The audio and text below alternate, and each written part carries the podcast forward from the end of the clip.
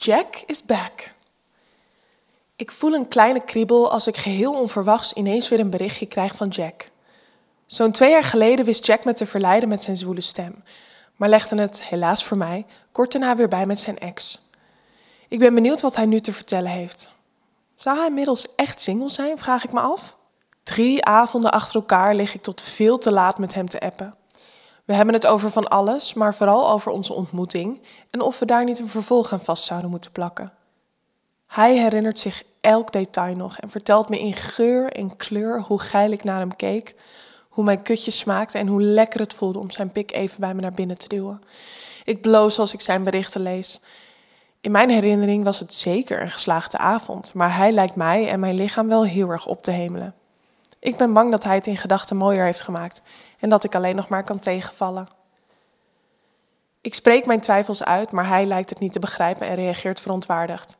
We hebben het toch altijd gezellig gehad, antwoordt hij. Waarom zou dat nu ineens niet meer zo zijn? Ik moet hem gelijk geven.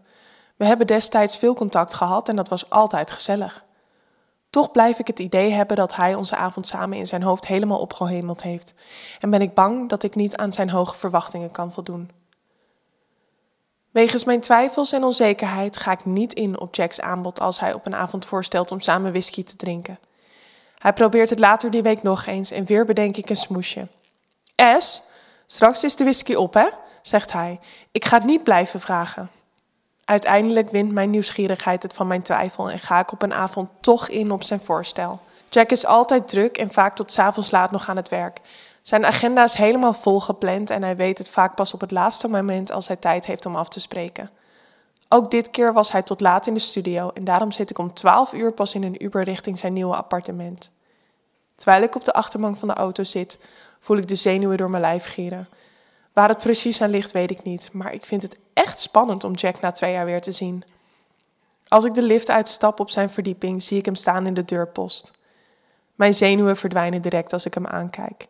Zijn lach voelt vertrouwd en ik voel me direct weer op mijn gemak bij hem. Hij laat me binnen en ik gooi mijn jas en tas in een hoek. Whisky of thee? In wat voor stemming ben je vanavond? vraagt hij. Terwijl hij thee zet, installeer ik me op de bank. Als hij bij me komt zitten, is het alsof we elkaar vorige week nog gezien hebben. We praten over werk, muziek, vakanties, gemeenschappelijke vrienden. We lachen om herinneringen en elkaars grappen en het is geen seconde ongemakkelijk. Waarom zei je nou dat je bang was dat het zou tegenvallen? vraagt Jack. Ik was echt een beetje beledigd door die opmerking, voegt hij eraan toe. Uh, ja, stamel ik. Soms moet je stoppen op het hoogtepunt, toch? zeg ik aarzelend. Hij kijkt me aan met een mengeling van verbazing en verwarring in zijn ogen. Nou ja, oké, misschien niet, ik weet het niet. Ik was een beetje onzeker, zeg ik. Bang dat het eh, op de een of andere manier zou tegenvallen. Maar je vindt het nu toch geen tegenvaller? vraagt hij. Oh, nee. Nee, helemaal niet, zeg ik met een grote smile op mijn gezicht. Gelukkig maar, S, antwoordt hij. Want ik vind het juist altijd wel chill met jou. Geen drama, geen gezeik. Gewoon een gezellige tijd samen. Wist je trouwens dat jij de enige bent met wie ik ooit vreemd ben gegaan? Vraagt hij na een korte stilte. Zwam niet, zeg ik. Je gelooft me niet, hè? antwoordt hij. Sinds wanneer ben jij zo cynisch? Ik kijk hem verbaasd aan. Ach, inmiddels heb ik iets meer mensenkennis, zeg ik. Laten we het daar maar op houden.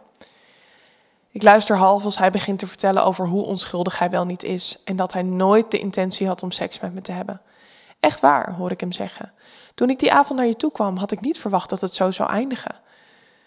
Ik wil hem op zich wel geloven, maar heb dit soort praatjes al zo vaak gehoord dat me moeite kost hem serieus te nemen. Had jij het wel verwacht dan? vraagt hij en kijkt mij op zijn beurt aan met een verbaasde blik in zijn ogen. Ja, ik wel, zeg ik onverschillig.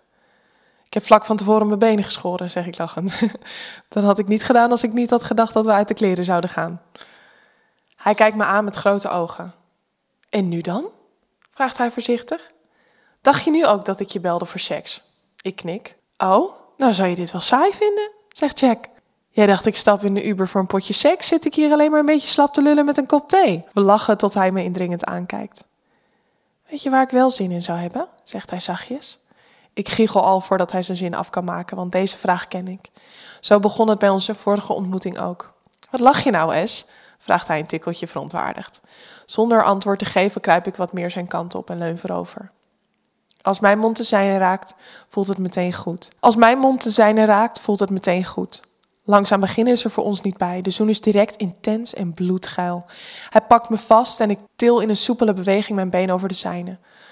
Ik plant mijn knieën aan weerszijden van zijn bovenbenen en buig iets voorover. Ik denk aan helemaal niks meer terwijl we zoenen. Op de een of andere manier hebben we een bijna magische seksuele connectie. Jack had gelijk, denk ik bij mezelf. Het is maar goed dat we niet gestopt zijn op ons zogenaamde hoogtepunt, want deze avond is nu al bijna net zo geil als onze vorige ontmoeting. Als we even stoppen met zoenen, kijkt Jack me aan. Ik wil je proeven, zegt hij met een heese stem. Heel even aarzel ik, maar klauter dan van Jack's schoot af. Ga maar liggen, zegt hij, terwijl hij een kussen voor me neerlegt aan het uiteinde van de bank. Ik zak langzaam achterover, leg mijn hoofd op het kussen.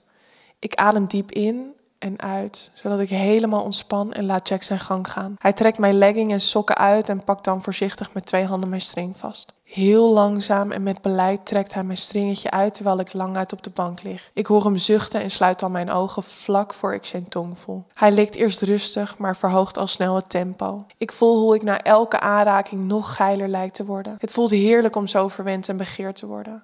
Ik hoor mezelf kreunen en grijp een kussen vast als ik merk dat mijn hoogtepunt nadert. Jack pakt mijn hand vast en met moeite laat ik het kussen los. Hij likt mijn klit sneller en sneller tot ik voel hoe mijn rug zich kromt. Ik knijp onbedwingbaar in Jacks hand als het orgasme mijn lichaam bekruipt. Ik tril en schok terwijl Jack door blijft likken.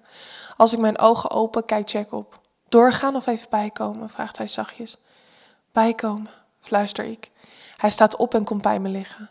Hij kijkt me aan terwijl hij met mijn haar speelt en ik hem zachtjes over zijn arm kriebel met mijn nagels. Dit was zo intens, zegt hij. Ik kijk Jack aan en glimlach verlegen. Mag ik zo weer verder? vraagt hij. Uh, stamel ik. Ja, als je dat wil, zeg ik voorzichtig. Dat wil ik zeker, zegt hij met een ondeugende blik in zijn ogen. Je kutje is verslavend, S.